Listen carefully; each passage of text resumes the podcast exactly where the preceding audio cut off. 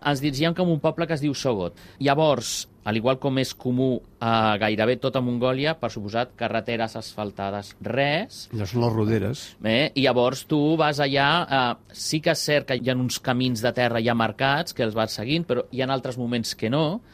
I realment el paisatge era molt maco perquè encara hi havia llocs que hi havia algú de verd, es veia una, com una petita Clapes de catifa de, gespa. de verd. Després, parc que semblava desert, inclús es veia algú de neu ja, algun petit llac també congelat.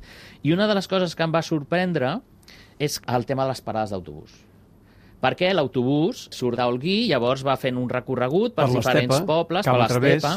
Llavors veus una parada d'autobús al mig del no-res. Al mig del no-res. Però això vol dir que veus el pal de...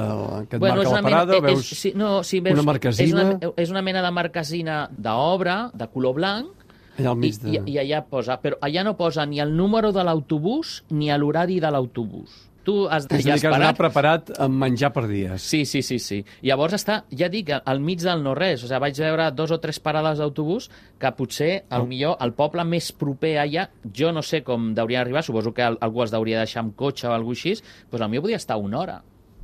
La parada d'autobús podia estar a una hora de, de la població, Algun no? esquelet a la parada de l'autobús? No, no vaig, no, no vaig veure cap, o sigui que suposo que tots els recullen, que no es queda cap allà atrapat.